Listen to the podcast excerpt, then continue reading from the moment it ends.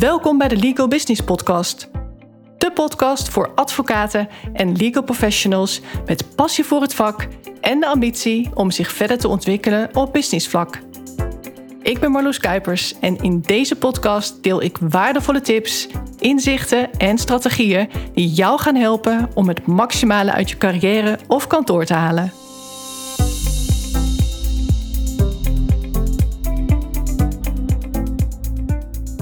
Spreek geregeld advocaten met een eigen kantoor waarbij het ergens schuurt.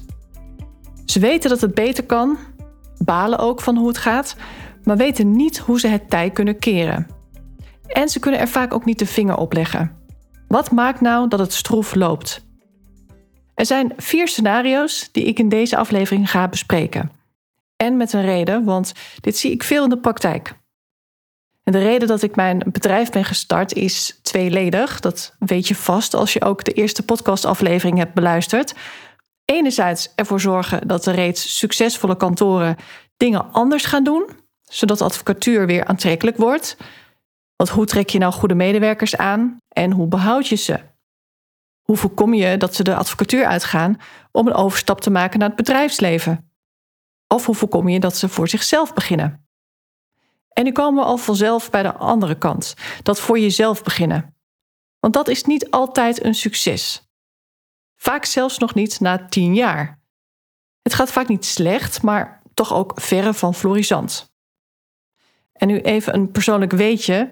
Ik kijk met veel plezier naar survival-programma's, bijvoorbeeld op Discovery. En het doel van die survival experts is niet alleen maar overleven in de wildernis. Of het doel nou 21 dagen halen is of 60 dagen. Het voornaamste doel is niet, niet opgeven na die 60 dagen. He, enkel nog in leven zijn, zeg maar.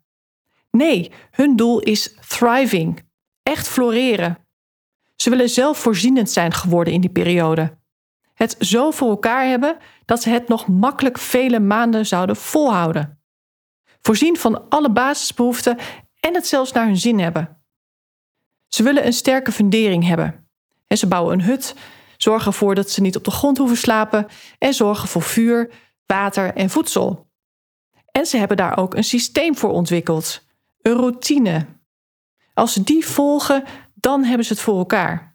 Ze weten het precies. Daar zwemt de vis en ze weten ook wanneer en hoe ze die moeten vangen. Ze weten ook precies waar de waterbron is. En ook dat vergt voorbereiding, want water kun je niet meteen drinken, maar moet je eerst koken. Ze weten ook precies welk soort eetbare planten er leven.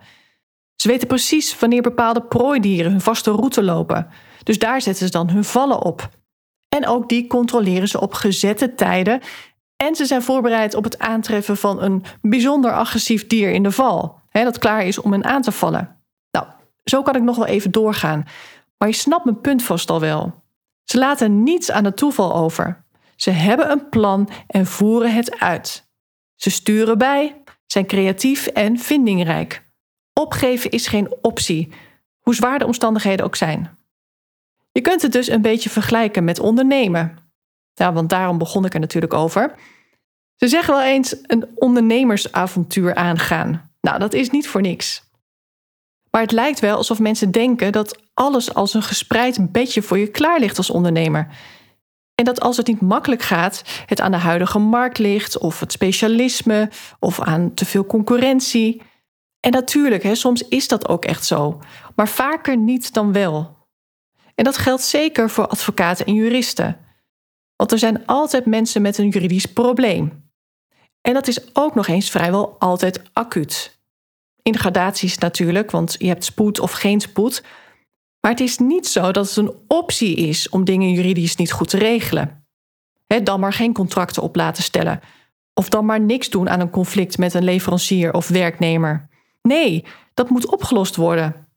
En daarmee zit jij als advocaat of jurist echt in de must-have dienstverlening. Dit in tegenstelling tot een luxe tassenwinkel, want die zit in een heel andere positie. Iemand hoeft nooit een luxe tas aan te schaffen. Never. Dat is altijd een vrijwillige keuze. Het kan altijd volgende week, volgende maand of zelfs volgend jaar nog. En er zijn bovendien nog eens 101 alternatieven voor deze specifieke dure tassenwinkel. iemand moet maar net die tas willen hebben van dat specifieke merk. En die moet jij toevallig net op voorraad hebben als ondernemer. Al zijn er ook bepaalde dure merken die met wachtlijsten werken. Want dan gaat het dus al helemaal om een nice to have en geen must have tas. Luxe artikelen zijn erg gevoelig voor de draaiende economie. In crisistijd zullen de meeste mensen geen loeidure tas kopen die ze niet nodig hebben. Maar in crisistijd is er vaak juist heel veel juridisch gedoe. Dus jij zit als advocaat of jurist echt in een veel betere positie. En toch voelt dat voor velen niet zo, heb ik het idee. Want ik spreek natuurlijk veel advocaten. Meestal zijn er dan een viertal redenen voor dat gevoel te benoemen. Vier verschillende situaties. Misschien herken je je wel in een van deze scenario's. Om te beginnen met scenario 1. Je hebt genoeg cliënten, maar het kost wel veel moeite voor je gevoel. Je moet veel zaaien om een beetje te kunnen oogsten. Dan scenario 2. Je hebt eigenlijk structureel te weinig cliënten en je weet ook niet hoe je nou consistent aan voldoende cliënten komt. En dan heb ik het over het soort cliënten dat je ook echt graag wilt bedienen. En niet maar elke willekeurige binnenloper of doorverwijzing. Dit is dus veel zaaien en heel weinig kunnen oogsten. Dan is er nog scenario 3. Je hebt het altijd druk. Het is echt rennen en vliegen voor je gevoel. Te druk zelfs voor je gevoel. Maar die omzet, die is niet torenhoog. En dat zou je natuurlijk wel verwachten als je kijkt naar de werkdruk die jij ervaart. Maar de omzet correspondeert niet met de hoeveelheid werkuren. Jouw input, in de vorm van tijd en energie, die staat niet in verhouding tot de output, de hoeveelheid zaken die je aan kunt of de omzet die je genereert. Die verhouding is scheef. Je komt om in het werk voor je gevoel, maar de kwaliteit is laag. Dat wil zeggen, je maakt meer uren dan je kunt schrijven, of laten we zeggen, durft te schrijven. Of je hanteert een te laag uurtarief in verhouding tot jouw expertise en ervaring. Het zaaien is hier niet zozeer het primaire probleem, al richt je je misschien wel op de verkeerde doelgroep, maar dat laat ik nu even in het midden. Maar het niet kunnen oogsten is het probleem. Als laatste hebben we dan nog scenario 4. Je hebt voldoende cliënten. Je hebt ook geen klagen over de omzet. Maar je bent niet te spreken over wat je er uiteindelijk aan overhoudt. Je hebt te weinig winst. Nou, je hoeft geen wiskundige te zijn om te weten dat je dan een kostenprobleem hebt. Je hebt te veel kosten in verhouding tot de omzet. Te veel overhead. Dat kan een duur pand zijn, hoge huur of hypotheek, personeelskosten, abonnementskosten, opleidingskosten, leaseauto's. Of je weet misschien niet eens exact hoe het er allemaal uitvliegt. Wat je wel weet is dat je structureel te weinig overhoudt. Ook hier is het probleem niet zozeer het zaaien, maar het oogsten. Nou, hoe los je dit nou op? Allereerst door inzicht te krijgen in het probleem. Dat klinkt logisch en dat is natuurlijk ook logisch, maar toch ontbreekt het vaak aan dat inzicht. En dat is ook niet zo gek, want je doet vaak al jaren wat je doet en ook hoe je het doet. Daar best te kunnen. Maar je hebt gewoon blinde vlekken als ondernemer en ook als advocaat met een eigen praktijk. Je bent dan toch ook een soort ondernemer. Verantwoordelijk voor je eigen winkel, je eigen praktijk. Een praktijk die je wellicht zelf hebt opgebouwd of moet opbouwen. En hoe doe je dat dan? Je doet vaak wat in het verleden goed heeft gewerkt of wat je hebt geleerd van een ander. Of wat je kantoorgenoten ziet doen. Maar werkt dat wel voor jou? Werkt dat überhaupt voor hen? En als je een eigen kantoor hebt, dan schiet het aan je kantoor werken er al snel bij in. Je bent druk met je praktijk en dan moet je ook nog tijd zien te vinden om dingen te optimaliseren. En om dan weer even een brug te slaan naar dat survivalen en vooral dat thriven, echt dat succesvol overleven, daar zijn vier dingen heel belangrijk. Allereerst water, slaap, vuur en voedsel. En ik denk ook in die volgorde. Het hangt er wel vanaf waar je bent natuurlijk. In de woestijn ben je zonder water misschien al dood voordat het tijd is om te slapen. En zonder vuur ben je niet beschermd tegen roofdieren. Dus dan ben je mogelijk al opgegeten voordat je in diepe slaap bent. Nou, ik dwaal af natuurlijk, maar soortgelijke belangrijke aspecten die zijn er ook voor succesvol ondernemen. En die term ondernemen, die pak ik nu even heel breed. dus dat geldt ook voor de ondernemende advocaat of jurist in loondienst. Wellicht stuur je een heel team aan. Dan heb je ook flink wat leiderschap en ondernemerschap nodig natuurlijk. Wat is nou cruciaal voor een succesvol kantoor? En dat is even mijn persoonlijke visie. Dit zijn de hoofdaspecten waar ik naar kijk als ik een kantoor help om een professionaliseringsslag te maken of optimaliseringsslag, hoe je het maar wilt noemen. Laten we zeggen dat ze in ieder geval willen groeien in kwaliteit. Ik zal ze eerst alle vier even benoemen en vervolgens ga ik ze één voor één even toelichten. Voor een succesvol kantoor heb je nodig allereerst hele capabele mensen natuurlijk. Ten tweede de juiste strategie. Ten derde effectieve business skills. En tenslotte optimale processen. Allereerst zijn er de mensen. Nou, die moeten vakinhoudelijk goed zijn, maar ze moeten ook gedreven zijn en gemotiveerd. Niet alleen werken voor de centen, maar echt houden van wat ze doen. En dat moeten loyale medewerkers zijn. Als jij goed bent voor jouw mensen, moeten zij dat ook zien en ook weten te waarderen. Zonder goede mensen kun je geen succesvol kantoor neerzetten. Daar kunnen we heel kort over zijn. Ten tweede, je moet een strategie hebben. Maar er zijn zoveel strategieën. Wat past nou bij jouw kantoor? Nou, een strategie kun je pas uitzetten op een moment dat je ook een plan hebt. En een plan kun je pas maken als je weet wat jouw doel is met jouw kantoor. En hoe kom je daar nou achter?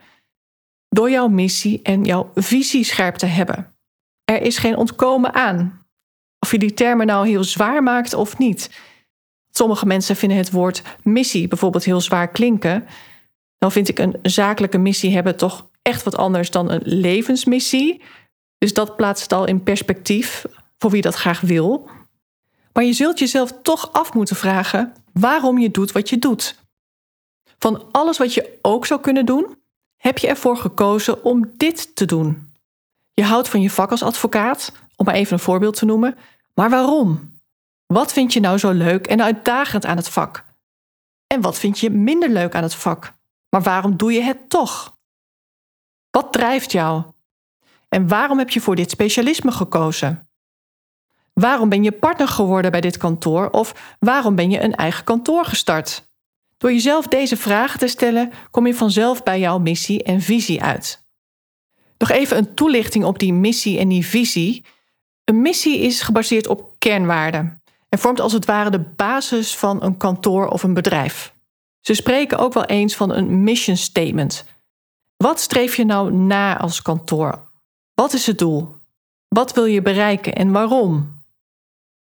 De hoe verwerk je juist in jouw visie. Het heeft te maken met een doel voor de langere termijn. Die stip op de horizon en die kan best vaak veranderen. Als de wereld verandert bijvoorbeeld, door wat nu gaande is, dan verandert jouw visie vaak mee. En dat moet ook wel, want anders saboteer je jezelf.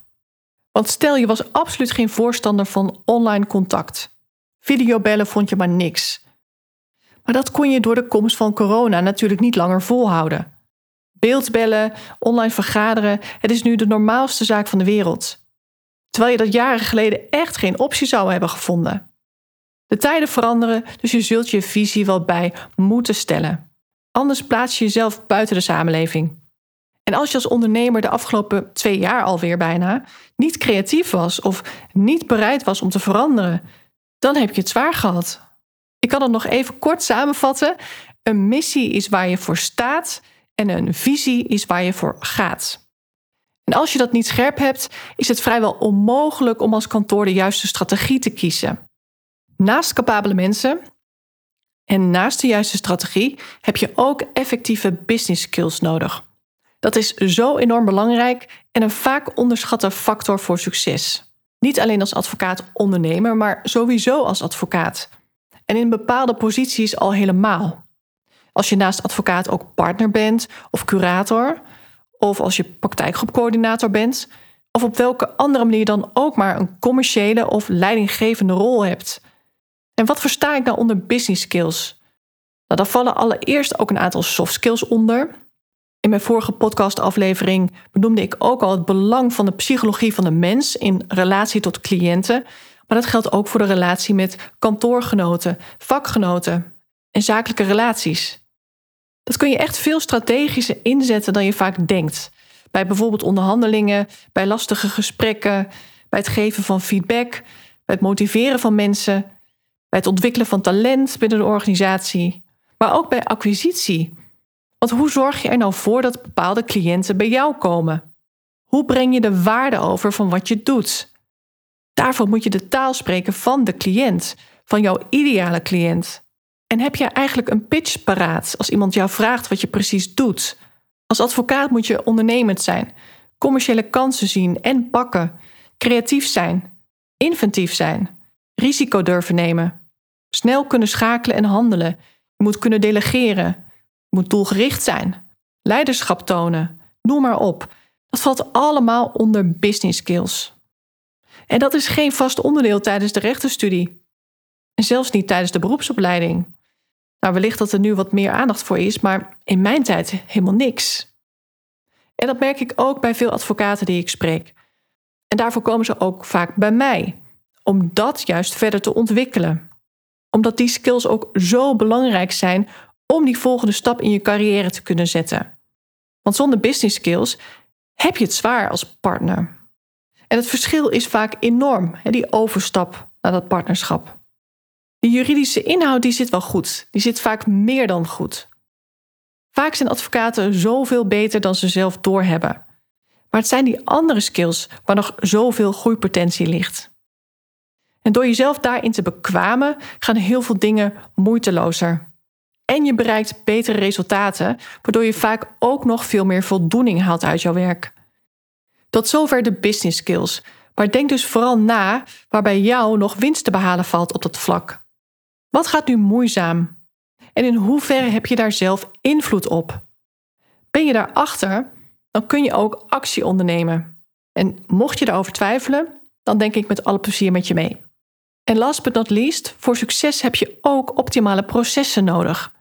Dit is vooral de oorzaak voor die situatie waarin je altijd druk bent en waarin in het ergste geval ook de omzet nog eens teleurstellend is. Wanneer je heel druk bent en je jouw kantoor super efficiënt hebt ingericht, ik doel dan op werkprocessen bijvoorbeeld, dan zou je in principe toch ook een hele goede omzet moeten hebben. Zelfs als je een toevoegingspraktijk runt. Want ja, er zijn toch echt sociale advocaten die het lukt om een veel hogere omzet te draaien dan sommige commerciële advocaten. En wat bedoel ik nou met werkprocessen? Ik merk dat veel advocaten nog veel te veel handmatig doen en herhaalde taken keer op keer zelf uitvoeren. je hoeft niet eens maximaal gebruik te maken van alle legal tech opties die er zijn. Want misschien ben je helemaal wars van software. Maar kijk eerst eens waar je zelf een systeem of werkproces van kunt maken. Bijvoorbeeld bij het aannemen van een nieuwe cliënt. Wat doe je dan vaak nog keer op keer vrijwel hetzelfde? Of wat doe je nu niet, maar zou je eigenlijk wel moeten doen in het aanmeldproces of noem het de opstartfase, om jezelf uiteindelijk veel tijd te besparen? Door cliënten bijvoorbeeld heel goed te informeren. Afhankelijk van wat je precies doet, kan dat een enorm verschil maken. Hoe kun je cliënten echt maximaal informeren of begeleiden, waardoor ze veel minder vragen gaan stellen? Weten ze bijvoorbeeld precies wanneer ze jou het beste kunnen bereiken en hoe? Is dat liever per telefoon of per mail? En weten ze ook wanneer ze antwoord krijgen? Dat is niet alleen handig voor jou, maar het is ook echt een hoger serviceniveau wat je verleent. Denk maar eens even aan het verschil dat een hotel kan maken door een hele mooie uitgebreide informatiemap klaar te hebben liggen op de kamer. Elke vraag die je maar zou kunnen hebben, die wordt erin beantwoord. En zet dat eens tegenover de situatie dat je met geen mogelijkheid kunt vinden hoe laat het ontbijt is, bijvoorbeeld. Je moet dan helemaal naar de receptie. Dat is wel even een heel andere beleving, hè? Maar neem nou juridische procedures.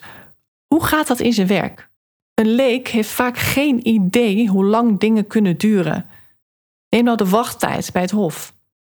En bij letselschadezaken staan cliënten er bijvoorbeeld echt niet bij stil dat een verzekeraar niet meteen op maandag het dossier induikt. Die heeft er nog een paar honderd liggen.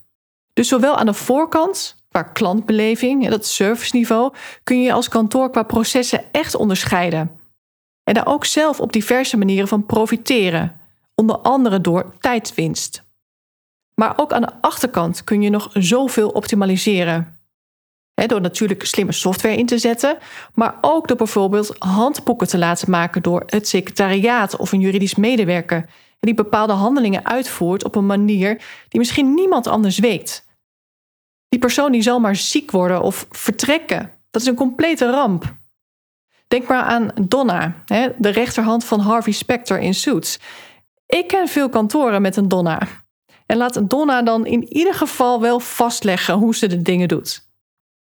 Als je die vier hoofdcomponenten die ik zojuist benoemde, dus de juiste mensen, de juiste strategie, die business skills en optimale processen, als je die allemaal on point hebt, dan doen zich die vier scenario's, waarin je als kantoor niet echt floreert, waarschijnlijk niet voor. Misschien is deze aflevering er wel eentje om nog eens te beluisteren, want ik heb nu natuurlijk de oplossing verteld. En daardoor zul je wat ik in het begin heb gezegd waarschijnlijk ook anders horen. En ook meteen dingen herkennen bij jezelf. Tenzij alles natuurlijk al helemaal op rolletjes loopt, maar vaak kan het altijd beter. One way or the other. Als jij er nou ook zo in staat, omdat jij ook iemand bent die altijd wil blijven doorgroeien en ontwikkelen, omdat je streeft naar meer kwaliteit en meer voldoening, maar je vraagt je af hoe je dat het beste kunt doen, of het snelst, dan nodig ik je uit om een call met mij te boeken. Ik denk dan geheel vrijblijvend met je mee. Wat kun je anders doen? Wat wil je bereiken? Welke kansen zie ik voor je?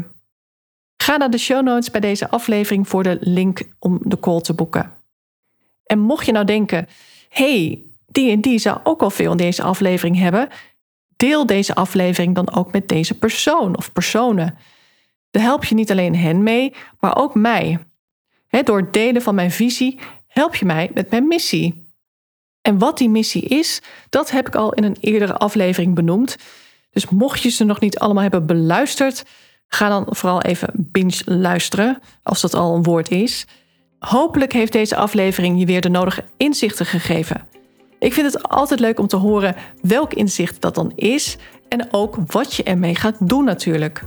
Dan weet ik ook meteen wie er luistert. Dit was hem voor nu. Ik wens je nog een mooie dag en tot de volgende keer. Dankjewel voor het luisteren. Mocht je deze podcast waardevol vinden, abonneer je dan of volg mijn podcast zodat je geen aflevering hoeft te missen. En deel hem ook vooral in je netwerk.